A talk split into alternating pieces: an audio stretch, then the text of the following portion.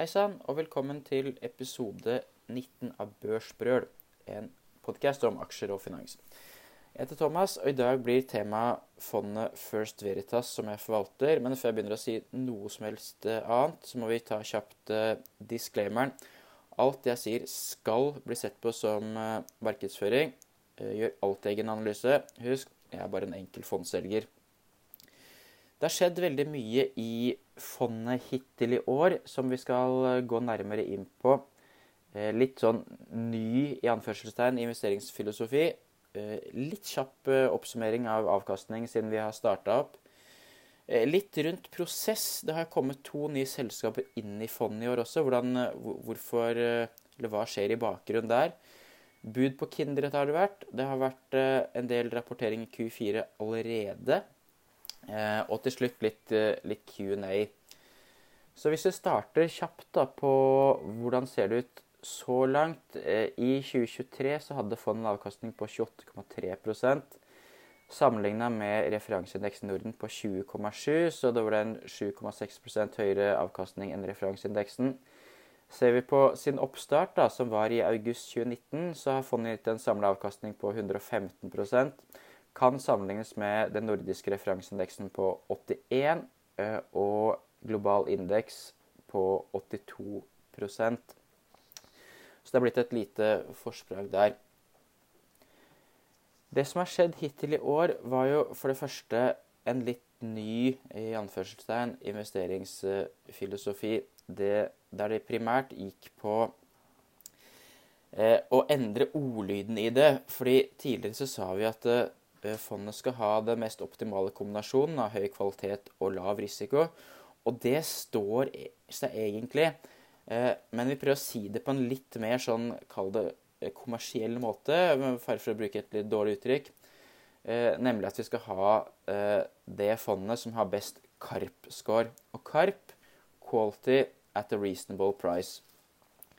Og Da har vi delt opp det i fire bolker som veier 25% hver. De første tre går på kvalitet. Eh, der den, den, første av de tre går på lønnsomhet, målt gjennom egenkapitalavkastning eh, og bruttomargin. Og bruttomargin er jo et nytt parameter. Det er første gang vi tar et nytt parameter siden vi starta fondet. Eh, noe som har modna litt meg. Jeg har vært litt uenig om det tidligere, at det er såpass langt opp i regnskapet det kommer mange ting etter bruttomargin som er en kostnad for meg som aksjonær. Eh, men samtidig, eh, som sagt, modna litt meg. Det har jo både vært Henrik Heffemel har jo snakka en del om bruttomargin før, og, og nå også når jeg møtte Magnus Fjelldal eh, litt før nyttår, så Eller det var vel i høst en gang, så gikk det litt opp for meg at det der er et ganske smart parameter. Lest litt om det gjennom Novimarks. Og det er nok et mer sånn sant mål på, på lønnsomhet som er vanskeligere å manipulere. Mens poster lenger ned i regnskapet, sånn som lønn, oppvekst, investeringer gjennom PNL-en, eh, kan du på et vis skru litt opp og ned, avhengig av hvilken fase du sjøl er i. Og sånn sett manipulere Ikke noe negativt, ikke noe juks i manipulere, men at resultatet blir for høyt i perioder fordi du underinvesterer, og for lavt i andre perioder da investerer i, i videre vekst. Og tatt igjen det, og uh, med en overlegen lønnsomhet, så skal det symbolisere et selskap som har varig konkurransefortrinn. Men så er det ikke nok å bare ha en kjempehøy lønnsomhet. Tenker litt på det når jeg labber borti Henrik Ibsens gate, går forbi den eh, sigarforretningen der. De, de, har sikkert veldig høy lønnsomhet, men hvis du ikke klarer å reinvestere den lønnsomheten din i videre vekst, så blir det ikke så innmari bra uansett. Eh, for hvis du liksom starter istedenfor én sigarforretning, så starter du ni til, så du får ti stykker så kommer lønnsomheten til å gå ned, for det er ikke et marked for det. Så det er også viktig at selskapene har mulighet til å reinvestere den høye lønnsomheten sin i vekst. og Derfor Bolk 2, som også er 25% går da på, på vekst og cash conversion. Eh, der vekst er, eh, er viktigst, men også cash conversion gjennom at du eh, ikke overbetaler for den veksten du investerer i. Og vekst er viktig fordi det er noe som kan vokse ubegrensa, mens Eh, eh, hvis du ser på margin f.eks., eller, eh, eller multipler, så kan ikke de vokse ubegrensa. Det, det, er topplinja di som, og omsetningen som vil være den langsiktig viktigste driveren for avkastning også. Bolk 3 jeg skal ikke bruke så veldig mye tid på det, men det er at selskapene skal være robuste, de skal ha sterk finansiell stilling, og de skal ha stabile marginer. Eh, og til slutt da er det verdsettelse, eller prising, som egentlig er et bedre ord for det. Verdsettelse høres litt, eh, litt flott ut. Som også vekter 25 og Derfor er quality at a reasonable price blir jo da 75% vekta kvalitet og 25% vekta pris. Så vi kan jo helt fint ha av litt dyre selskaper i fondet så lenge de har overlegen kvalitet. Men vi må ha pris som et parameter også. Vi kunne selvfølgelig vekta det motsatt. At verdsettelse, eller pris, da, vekter 75% kvalitet 25 Da hadde fått andre typer selskaper. Men jeg tror det her er, er viktig. Og også da kanskje vist litt gjennom hvordan MSCI World Quality har gjort det opp igjennom. Som da uh, har vært uh, gitt en siden 1981 gitt en tre ganger så høy gevinst som hvis du investerte i den vanlige verdensindeksen. Men ok, eh, Nok oppsummering på den nye investeringsfilosofien. Det er jo som sagt det er litt, eller det er kanskje 90% same shit, new wrapping. Eh, og så er jo da eh, det nye parameteret med bruttomargin som også gjør at vi har litt andre eh, ting som gir scoren i selskapet. Ålreit, eh, så når vi gjorde det, så ble det egentlig én eh, hovedendring i fondet. Det var at Axfood ble solgt ut. Det var jo det selskapet som kom inn i desember, så det fikk jo en, en kort kort periode. Jeg var heldig, og det ble en liten gevinst i tillegg. Men eh, enda viktigere er jo at Betson kom eh, tilbake inn. Betson har veldig god, eh, god, kvalitet, men også en veldig lav pris. sånn at det blir jo kanskje det skiller seg litt ut som et, det billigste selskapet i fondet, men også bra kvalitet. Eh, og det er jo da, det er summen av alle disse eh, parameterne som er hvordan eller fondet blir skrudd sammen basert på selskapene. Så Betson har da kommet inn i fondet. Ikke minste selskap i fondet heller, det er blant de minste, men den kom inn med en, med en god posisjon der. Så eh, skjedde det jo litt mer. Jeg dro på ferie, og da skjer jo alltid et eller annet. Og det gjorde det denne gangen også. Eh, en bra ting for så vidt. Det var et bud som kom på Kindred. Eh, det ble annonsert søndag for en uke siden, men det, prisen Eh, budprisen kom jo på mandag. 130 kroner. Kursen hadde gått ganske bra i forkant. Kan man godt spørre seg var det noe, noe innsideinformasjon, og det har ingen grunn til å mistenke. Det var jo andre gode nyheter som kom i sektoren også, med bl.a. Flutter som kom med eh, OK tall. Så eh, i forbindelse med at Kindred da eh, annonserte budet som de har fått på seg, til fransk selskap ikke husker hva heter, så annonserte de også sine Q4-tall. De var egentlig ganske ålreit, eh, for å eh, si det. Kindred hadde jo et ganske bra Q1, vil jeg si, og også bra Q2. Eh, så kom Q3 og var litt soft. De, de sa jo ved inngangen til året at de skulle ha over 200 millioner euro i EBDA for året. Og i Q1 så ble det 49, Q2 ble det 56, og så kom det i Q3 ned på 43. Så der lå det kanskje litt dårlig igjen, men så kom da Q4 inn på 57, så det kom på 204,5 til sammen. Det kom jo da godt på rett side at de sa de skulle ha over eh, 200. Så jeg tror bare isolert, hvis de bare hadde sluppet tallene, så ville det vært bra, bra for kursen. Det kommer selvfølgelig bud i tillegg. Eh, og hva har vi gjort med, med Kindred? Jo, modellen Nå gikk jo kursen en del i forkant, så vi hadde egentlig litt for mye aksjer i utgangspunktet når budet kom, for de hadde ikke rebalansert fondet. Eh, så vi, eh, når budet kom, og kursen selvfølgelig gikk opp, eh, på budet gikk opp 16-17% så hadde vi jo egentlig altfor mye aksjer sånn ut fra modellen. Da tastet jeg inn de nye tallene, eller Q4-tallene, som Kindred slapp preliminært. Selv om vi ikke har full balanse, full cashflow og alt, så klarer vi å gjøre et ganske bra estimat på det når vi har fullt resultatregnskap. Og, og de sa vel også til og med hva de hadde i, i cash etter kvartalet. Eh, og Da får selskapet en litt ny score på det, og så er det en ny kurs, selvfølgelig, fordi det har skjedd ting. Eh, så summa summarum så har vi da redusert posisjonen fra Vi hadde 550 000 aksjer Unnskyld, 530 000 aksjer hadde vi, og så har vi solgt det ned til 335, så vi har solgt 195 000 aksjer. Redusert posisjonen målt i antall aksjer med 37 men en god del mer målt i, i penger. Eh, så vi har fått en del penger inn i fondet basert på det salget vi har gjort da, av Kindred, der vi har solgt eh, eh sant, nesten 200 000 aksjer på sant, knappe 122 kroner per aksje, så blir jo det en god del cash som er frigjort fra det. Og jeg gjør det fordi modellen som, som sier at vi skal fortsatt ha en posisjon i Kindred. Riktignok redusert fra tidligere. Og kursen handler en del under budet. Den handler i dag 122, 123, faktisk tror jeg den er gått opp til. Litt under budet på 130.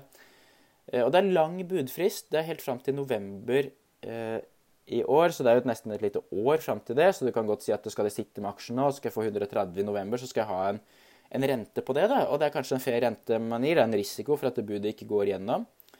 Eh, selvfølgelig. Og de, jeg leste et sted at noen sa at grunnen til at det er så lang budfrist, er at det er mye sånn antitrust-godkjennelse som skal til, og det er enda vanskeligere i Frankrike enn andre steder. Uh, det kan man jo bare tenke seg til. Det er sikkert vanskelig i Frankrike, men jeg, vet ikke om det er, det er helt nøyaktig riktig. Men det er nå engang sånn det er. Eh, og Corvex, denne største aksjonæren, eh, disse aktivistene, eh, har akseptert. Og det er vel ikke helt usannsynlig at det kan komme et, et bedre bud. Og det er ikke helt usannsynlig at det er mange nok aksjonærer som sier nei også. Hvis Kindred da, Nå klarte de de 200 millioner euro EBDA, unnskyld, pund, EBDA, som de sa. Og så sier de at de skal ha 250 millioner pund i år, så det vil si en vekst på 25 EPS eh, e ville ha vokst enda mer enn 25% hvis du skulle oppnå det, fordi du har noen slags giring-effekter eh, i regnskapet der. Og da begynner det å bli ganske interessant igjen. Da vil jo uh, Kindred helt stand-on, hvis de klarer det, vil være interessant. Godt hende at aksjonærene sier at vet du, vi syns det er verdt mer enn 130 kroner. Så vi vil bare eie det videre. Jeg tror ikke det er noe dumt tenkt i det hele tatt. Det er jo en grunn til at det scorer godt i, i fondet fortsatt, og selv på 130 så ville det vært med. Eh, og modellen sier vi ikke skal selge aksjene, vi bare selge en del aksjene, for det er jo mindre interessant på 122 enn det var på 95, eller hva det var. Han var litt i, litt i forkant, eh, vi, men vi har jo fortsatt aksjer her. Så vi ser Det kan jo også komme andre bud. ikke sant? Jeg nevnte Flutter i stad, kan være, være aktuelt. Jeg husker også DraftKings i USA prøvde jo å by på Entain. Eh, det, ble, det, fikk de ikke gjennom, men jeg har ikke sett den jakte på kursen. Jeg har inntrykk av at Entain har gjort det jævla dårlig etterpå, så en stor bot i Tyrkia bl.a. Så godt hende at Entain-aksjonærene burde sagt nei, men, men, kanskje da Draftkings ønsker en posisjon i, i, Europa. De er jo i USA bare Eller jeg er bitte lite grann, som jeg ikke husker hvor det er, men primært i, i USA. At de kan være en aktuell budgiver også. Så ikke utelukke at det kan komme et bedre bud eh, enn de 130. Og jeg vil ikke utelukke at nok aksjonærer sier nei, eh, sånn at da selskapet vil løpe børs. Hvis de sier nei, så er det ofte sånn der faller kursen der da, men godt hende at hvis de leverer gode tall, og da får vi se både Q1, vi får se Q2, og vi får også sannsynligvis se da Q3 eh, før denne budfristen går ut. Og da kan det godt hende at Kindred skal ha en annen verdi enn her. Det kan skje masse, det er ikke peiling. Ikke husker Gert, så er vel EM og greier i sommer også. Så, så Kindred er i, er i fondet. Men vi har da solgt unna en god del eh, aksjer, som nevnt, og frigjort mye kapital. Og da har det kommet inn et nytt selskap, og, og det er jo litt en joker som jeg, som jeg, nevnte. Og ikke en joker som at det er noe helt annet. Eh, for noen som spekulerte om at det, det var noen råvarer eller, eh, eller, noen andre rare greier som har kommet inn. Det er det ikke. Jeg sier en joker, så det jeg legger i det, er at dette er et selskap som har hatt en god nok score til å være med i fondet allerede en god stund. Det har ikke vært med i fondet. Så dette er det ene selskapet som, som har vært på den måten. Eh, og så hvorfor har du ikke kjøpt det før? Eh, følger du ikke modellen sånn som du sier du skal gjøre? Eh, men jeg må legge liksom et lite lag på toppen eh, hva gjelder å ikke være sånn street stupid, eller hvis det er et uttrykk som, som er det. Selskapet Veidekke, som har kommet inn i fondet, og i Veidekke så er vi litt, litt, nødt til å finne anledningen, da. Jeg ble gjort oppmerksom på for muligens et par uker siden at det var aksjesalgs i Veidekke. Vi, jo, vi, har jo kjøpt nå aksjer som utgjør litt under 5% av fondet i Veidekke, så det er ikke det minste selskapet, sånn som det liksom utgangspunktet vært, skulle vært. Når det kommer et nytt selskap inn, så er det ofte det minste. men det har skåret godt en stund allerede. Men vi da, når vi da både fikk den der det er aksjer til salgs, så vi kan få en posisjon eh, uten å måtte dytte kursen langt av gårde. Samtidig da Eller ikke helt samtidig, for det tok et par uker, så kom budet på Kindred, som gjorde frigjorde en god del kapital i fondet. vet du hva, da var anledning der. Da var det rett anledning. Kursen har også liksom vært litt sånn halvsvak i Veidekke, uten at det er noen grunn i seg sjøl. Kunne sikkert kjøpt selv om man hadde gått opp også. Burde ikke være så smart på, på timing. Men da var liksom anledningen der til at vi har frigjort cash på en måte som uh, modellen uh, har fulgt og vært fornuftig, og samtidig mulighet til å kjøpe en posisjon. Da har vi gjort det, så Veidekke har da kommet inn, som sagt, med litt under 5 uh, posisjon i fondet. og før jeg I tillegg når jeg ser dette her Jeg bruker litt tid på det. Bud i Kindred, det er aksjer tilgjengelig til å kjøpe i Veidekke. Så må du liksom bruke litt tid på det likevel. Så jeg har brukt litt tid på å gå gjennom regnskaper en ekstra gang. Jeg har hørt på siste kvartals prestasjoner med Veidekke. Akkurat nå sitter jeg og lager segmentregnskap på de, ikke sant? De skiller opp i, i masse forskjellige eh, divisjoner eller forretningsområder. Ikke sant? Eh, hvor mye er på construction, hvor mye er på, eller hva heter det på norsk? Entreprenør. Hvor mye er på Bygg, heter det selvfølgelig. Bygg. Hvor mye er på, på anlegg, og hvor mye er på eh, offentlige bygg, private bygg, hus, eh, asfalt og, og diverse. Så jeg, liksom må, jeg må bli litt bedre kjent med selskapet. Jeg har jo fulgt Veidekke allerede fra 2009. Så jeg har jo kjent selskapet i mange år, men jeg må liksom bli litt kjent igjen. Og så gjorde det dette salget av Veidekke Eiendom, da, som ble til Norder. Eller så være helt sikker på at jeg gjør rett i det jeg gjør der også. Så bruke litt tid sånn før vi tar det inn. Så det ligger liksom jeg vil si, et lite lag av eh, ikke rent faktorfond da, i Veritas når vi gjør denne typen eh, endringer som vi har, eh, som vi har gjort. Eh, så jeg sa jo at vi solgte et par hundre tusen aksjer i, i Kindred. Eh, og vi har også frigjort litt kapital på andre posisjoner for å få på plass eh, Veidekke.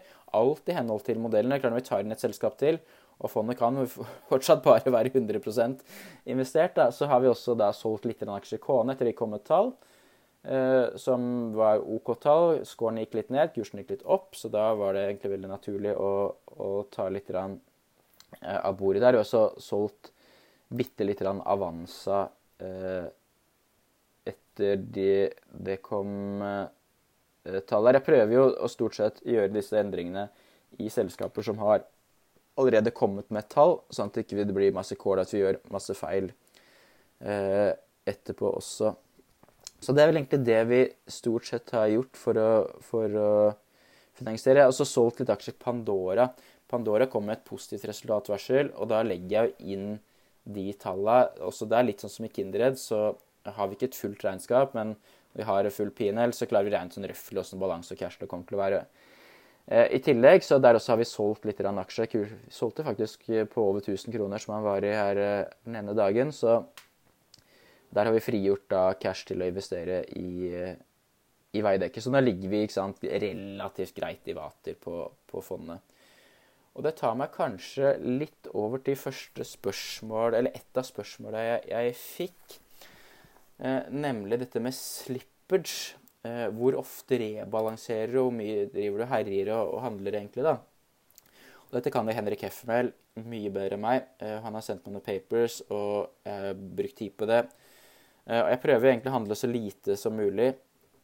Samtidig så handler vi når vi, når vi må handle. Og jeg er ikke sånn at jeg rebalanserer hvert kvartal eller hver måned eller hvert år. Jeg rebalanserer når det blir store avvik jeg rebalanserer. Når vi får tegninger og innløsninger i fondet, så vil jeg bruke det til å, til å prøve å få fondet til å se være i vater, som jeg kaller det. da, At du ikke har noen store avvik. Eh, vi har jo alltid en målvekt eh, i fondet som er bestemt av scoren hvert selskap oppnår, ut fra de sju parameterne. Men når kursene går opp og ned, det kommer nye, nye tall, så vil jo det alltid være litt avvik. Og hvis det blir for store avvik, så vil jeg rebalansere på det. Jeg har flinke meglere, aksjemeglere som veit hvilke selskaper er interesserte, og jeg prøver jo alltid da å bruke den flyten jeg får eh, inn. Hvis noen har en kjøper i Bouvet eller i et eller annet annet selskap, eh, så kan vi bruke den flyten da, til å gå imot på det hvis det eh, passer fondet. Og vi kan også da i de veldig likvide selskapene, så, så, klar, så, så klarer vi ikke bevege kursene. Altså, så at jeg skal begynne å bevege noe nordisk, det, det god, jeg har god selvtillit, men så god selvtillit tror jeg aldri noen gang jeg kommer til å få. Så det, går, det er jo stort sett store selskaper i fondet som gjør det greit å rebalansere når vi har, når vi har behov for det. Jeg fikk et annet spørsmål som også er litt aktuelt nå, om du noen gang regna på mye avkastning og verdiskapning som har kommet fra selskaper som kjøper seg opp. Det har jeg ikke gjort. For å svare på det først. Men det er et interessant spørsmål likevel. Vi hadde et oppkjøp av NetEnt i 2020. Så det var EVO som kjøpte NetEnt. Vi hadde oppkjøp av SimCorp i fjor. Og så har vi hatt bud på da, Kindred i, i, år. Jeg klarer ikke å regne ut nøyaktig mye der. Og samtidig så kan det godt hende at det så blir, blir jo selskap kjøpt opp for billig også. At vet du, hvis, de, hvis aksjonærene har sagt nei, og sagt uh, vi skal, dette selskapet har masse potensial fortsatt, og det skal være på børs videre, så godt hende at det at selskapet blir oppkjøpt, er langsiktig negativt for oss også. Og i Kindreds tilfelle er det kanskje mer aktuelt enn uh, enn andre steder der budet ikke er Det er ikke kjempebra, syns jeg. Jeg skal ikke synes så mye ting, men synsmodellen er kanskje det jeg egentlig prøvde å si. Uh, og I SimCorps tilfelle så falt jo selskapet ned til å være det minste i fondet, fortsatt inne i modellen. og Til slutt så ble det jo tatt ut, så da var det naturlig etter hvert å selge det også. Så jeg har ikke regna på det, og det er ikke et mål at uh, selskapene skal bli kjøpt opp. Jeg vil at de skal leve sitt eget liv og, og skape verdier i mange, mange, mange, mange år. Vi har et evighetsperspektiv på det vi investerer i helt til modellen sier noe annet, som han innimellom gjør. Men vi eh, får du et superbud, da, sånn som i, i, eiendomsfondet, så fikk vi et kjempebra bud på SSG da, på 60% premie og langt over alle de andre eiendomsselskapenes prising, så var det et, eh, et, et naturlig og helt greit å, å selge, og det ble en kjapp takeover også. Så jeg har ikke noe godt eh, svar på spørsmålet. Jeg er alltid hyggelig at det er interesse rundt selskapene, men jeg tror jo og håper at de fleste selskapene har langsiktig godt potensial, at de aller helst kan operere på børs gjennom eh, mange år og skape verdi for oss framover. Fikk et annet spørsmål også. Kunne vært interessant å høre hva du tenker om sektorkonsentrasjon. På sett på spissen, hva hadde gjort om modellen sa de 12-18 beste selskapene i Norden var innen iGaming? Eh, og det er jo et bra spørsmål som jeg innimellom får. Vi har en intern retningslinje på det som sier at jeg kan maks ha 17,5% relativt eh, avvik, eh, relativt avvik som er overvekt da, mot, eh, mot hva eh, referanseindeksen gjør. Ikke det er noe veldig sånn fornuftig måte å måle det på, men det er nå det vi gjør. Samtidig så Eh, er det høy risiko å ha for mange selskaper som driver med samme. Jeg kunne ikke ha tolv selskaper som driver med, med lakseoppdrett, for da ville du vært altfor eksponert mot det. Eh, jeg har hatt ett tilfelle der vi har ikke eid en optimal portefølje på bakgrunn av den begrensninga som, eh, som First-fondet har. Det var høsten 2020. Da hadde vi Da hadde jeg Vi hadde Betson. Dette er iGaming, faktisk, som er et tilfelle. Og så ble jeg gjort oppmerksom på Kindred, at det, eh, den var et selskap jeg burde se på. Jeg har, har liksom litt dårlig unnskyldning, men jeg hadde ikke tatt det inn ennå, for at de rapporterer i pund. Uh, og Da blir det masse kål i modellen hvis jeg får en ny valuta inn. og Det var ikke en sånn typisk lavthengende frukt. Uh, men jeg måtte gjøre fikse modellen, sånn at den kan håndtere pund også. Ellers er det bare NOK, SEK, DKK og euro som er i fondet. Jeg skårte bra, så vi tok inn Kindred, og samtidig så eller ikke helt samtidig, for det var et par uker etterpå, så tok vi inn EVO. EVO hadde jo ikke lang nok historikk standalone, men når de hadde budt på NetEnt, og vi da konsoliderte NetEnt og EVO-regnskapene historie, så fikk de samla selskapet lang nok historikk. Så oppsummert så tok vi inn EVO, men jeg kunne ikke ta inn EVO for jeg hadde solgt Kindred ut, for da ville vi fått en, en overvekt i uh, iGaming som ikke uh, eller som ville brutt de interne retningslinjene. Så da må du ta Kindred ut igjen, så det ble en sånn kort sak. Jeg er heldig jeg hadde gevinst på den også, husker jeg, men eh, det var ikke poenget. Eh, poenget er at eh, i dag så har vi ingen sånne Fondet opererer altså uten å være i brudd med noen av de begrensningene. Vi, vi, vi Scoren til selskapene er det som styrer vektene, og det er ingen begrensninger på det i dag. Det kan selvfølgelig komme på nytt igjen, men vi, vi har, er ikke det nå. Men da må vi forholde oss til at 17,5 eh, relativt overvekt er det meste eh, vi kan ha eh, per sektor. Eh, et sånt der spørsmål som jeg var så vidt innpå uh, Hvor mye er du egentlig villig til å betale for kvalitet? Så er det litt sånn uh, kan jo snakke masse om det, men det er modellen som avgjør det. Som sagt, det er vekta kvalitet 75% og verdsettelse eller prising. da. 20, eh, så sånn sett så har vi eh, tatt eh, det innover oss også. Ellers så tror jeg ikke jeg hadde så mye Jo, forresten, vi skal jo eh, kort komme innom kvartalsrapportering også. Det er kommet fire selskaper med, med tall. Det første som kom, var Admicom, eller si Admicom og eh, Avanza kom samme dag. Admicom var ikke noe bra. Det var, det var ikke det. Det var eh, ørlite grann vekst på topplinje, ørlite grann vekst også på bunnlinje. Hvis du eh, justerer ut at det i finsk gap så avskriver du eh, også goodwill. Det gjør du ikke under IFRS, så vi justerer det rett og slett ikke for å skulle være mer positiv til Admicom enn andre, men for at du skal sammenligne likt for likt eh, når vi sammenligner med andre selskaper. Eh, de har jo et tøft marked i Finland, Admicom. Det er eh, det er byggsektoren som er det store, og igangsetting av boliger er i fritt fall. Det er veldig bra for eiendomsfondet, selvfølgelig, da, fordi de selskapene vi har, eh, spesielt Balder, som har mye bolig i Finland, så de, de syns det er veldig fint at vi satt igjen lite boliger. Da. Det blir jo eh, lite tilbud og bra for de. Men for Admicom så er jo det, eh, det motsatte. Det er jo ikke positivt nå, men samtidig kanskje det er greit at du får litt tøft marked også, der du kan bruke tid på, på å investere i produktene dine. Og, og, det skal jo bygges mer boliger på et eller annet tidspunkt. Det er jo syklisk. Eh, så de guider da på for 2024 på var det 5-10% vekst i ARR, eller Annual Recurring Revenues. Så blir det kanskje ørlite mindre i de totale inntektene, siden de har litt andre inntekter som ikke vokser like mye. Eh, og en EBD-margin på oh, 32 til 37, tror jeg det var. Og det ligger da på en run rate på 37 da for 23. Så legger du de to sammen, er det litt vekst i inntekter, altså litt fall i EBIT-D-margin, så blir det kanskje røftlig flatt da, for 24. Og flatt er ikke noe bra, vi skal ha bra vekst, men jeg tror det, det, det er ikke så gærent å klare flatt. Det var ganske flatt også i 23, ikke sant? Eh, så det er ikke så gærent med flatt med det vanskelige markedet som er nå. Og så får vi bare håpe at det på et eller annet tidspunkt så snur det rundt. Eh, og da er Admicom godt posisjonert eh, til å ta, være med på den veksten videre. Så det var, var veldig sånn derre OK minus er kanskje en litt sånn enkel måte å, summere det opp på. Hvis vi da går videre til Avanza, så syns jeg det var også OK. De heller har ikke noe veldig enkelt marked. Det er jo disse divisjonene, som jeg kaller det, eller forretningsområdene.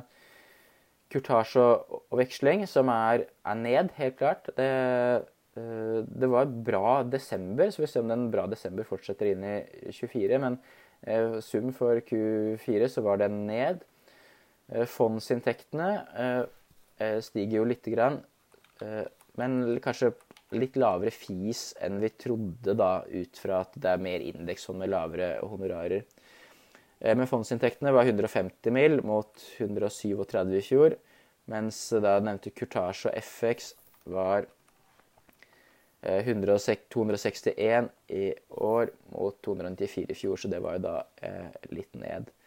Og så har du til slutt netto renteinntekter som var opp rett og slett for rentene er høyere i år enn i fjor. Men sammenligningstallene blir vanskeligere og vanskeligere der også, så eh, de skal jo vekte, være vekte litt mot hverandre. Så jeg syns de gjør det godt i et sånn ikke altfor enkelt marked. Og så er det ikke sikkert det blir noe enklere marked med en gang, men litt sånn positive tendenser da, i i, eh, i desember. De rapporterer månedstall på litt sånn overordna basis. Hopper videre til Atlas Copco, som kom forrige uke, så det var jo eh, som vanlig veldig bra. Jeg Så kursen var litt ned, men noen ganger er forventningene litt for høye, noen ganger er det litt for lave. Det var ikke noe uh, stort kursfall, men uh, det var veldig gode tall det kom med. Topplinje vokste 12% og så vokste bunnlinja, med, eller EPS-en, med 21% Og så skal det sies at de hadde litt altså, Når jeg sier litt lav, så de har ligget på sånn par og 20% margin. I Q4 i fjor, eller 22 mener jeg, så hadde de 20% margin. Eh, så det var et lite sånn der vakuum eh, som var litt soft da, så at du, eh, det kom tilbake nå. Så du hadde kanskje en litt høyere underliggende vekst i EPS enn man kanskje skulle gjette. Så det blir litt vanskeligere sammenligningstall da, fordi kvartalene framover. Fordi Q1, Q2, Q3 i 23 var, var gode kvartaler også på marginen. Litt eh, Ordreinntaket var litt ned. Det er det jo som vanlig i Q4. Det var opp år over år. Eh, og så sier de at eh, det skal være sånn noenlunde flatt inn i Q1. Og hvis det blir det, så blir det nedgang i ordreinntaket. Så veit vi ikke hvor mye ordrereserve de har å gå på. Eh, Ordreinntaket eh, svinger mer enn en, eh, totalsalget, da. For det, du spiser jo typisk litt av backloggen din i den type markeder, og så bygger du backlog i andre typer markeder. Så det er jevnere da, utvikling i resultatregnskapet. Så har jo også Atlas Coco eh, Og litt av grunnen til det er at de har jo veldig mye eh, service og eh, reservedeler. Utøver ca. 35 eh, tror jeg. Det som er mye mer stabilt da enn en utstyrssalg. Interessant selskap, eksponert i masse interessante bransjer, sånn som carbon capture, elbilmotorer og ikke minst mot uh, chipper og AI, der de leverer utstyr til fabrikker som lager maskiner til chipper, bl.a. ASML i, i Nederland. Eh, og, og, masse andre ting også innenfor fornybar, bl.a. kompressorer til eh, LNG-terminaler, som har blitt veldig aktuelt da, i de siste, siste par åra. Så det er greit. Eh, det er et sjekk på den. Veldig fint eh, selskap som vi liker godt. Og det siste selskapet som har rapportert tall, er eh, Kone, det finske selskapet som leverer heiser. Eh, de hadde en, et fall i, i topplinje på 3% og også et fall i EPS justert på, på 3 Men det var litt eh, oppløftende. Kanskje kontantstrømmen var veldig god, og så var det litt oppløftende på ordrereserven, ordreinntaket, som viste veldig bra vekst. Altså jeg måler litt annerledes enn selskapet. I måten jeg måler på, så vokste ordreinntaket med 31 år i år, eller etter hvert ned fire kvartaler på rad, så det var veldig bra. Eh, og det var bra i Kina. Hvis prestasjonen deres, så hadde de da en vekst i ordreinntak i Kina på 30% mens markedet var ned 10% Så det er en vanvittig outperformance av markedet der.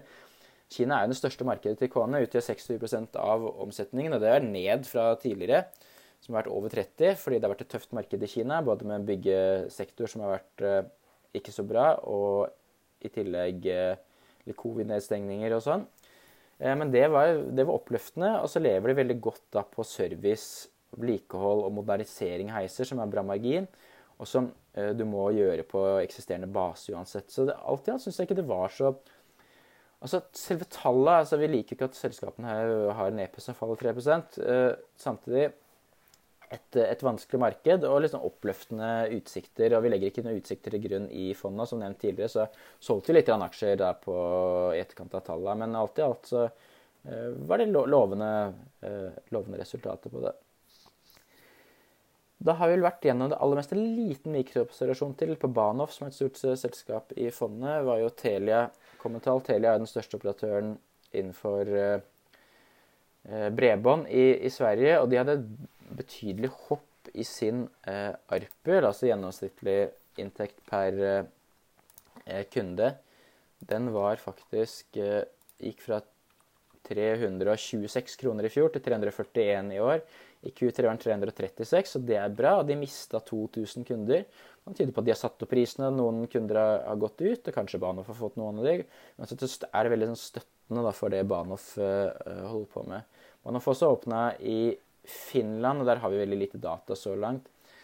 Uh, men der også så har Telia mista noen kunder og satt opp ARPUen uh, noe i hvert fall kvartal over kvartal. Ganske, ganske flat ARPU på år over år, men, men litt opp kvartal over kvartal. Uh, der kommer også Elisa med tall. Uh, de gir ikke ARPU, men de har et flat antall kunder. Så vi får se om Bahnhof rapporterer noe på Finland i det hele tatt, eller om de bare De er jo litt sånn fleksible i hva de pleier å rapportere på, så vi får Det blir jo spennende å se. Da tror jeg vi har vært gjennom det meste så ha en fortsatt fin dag.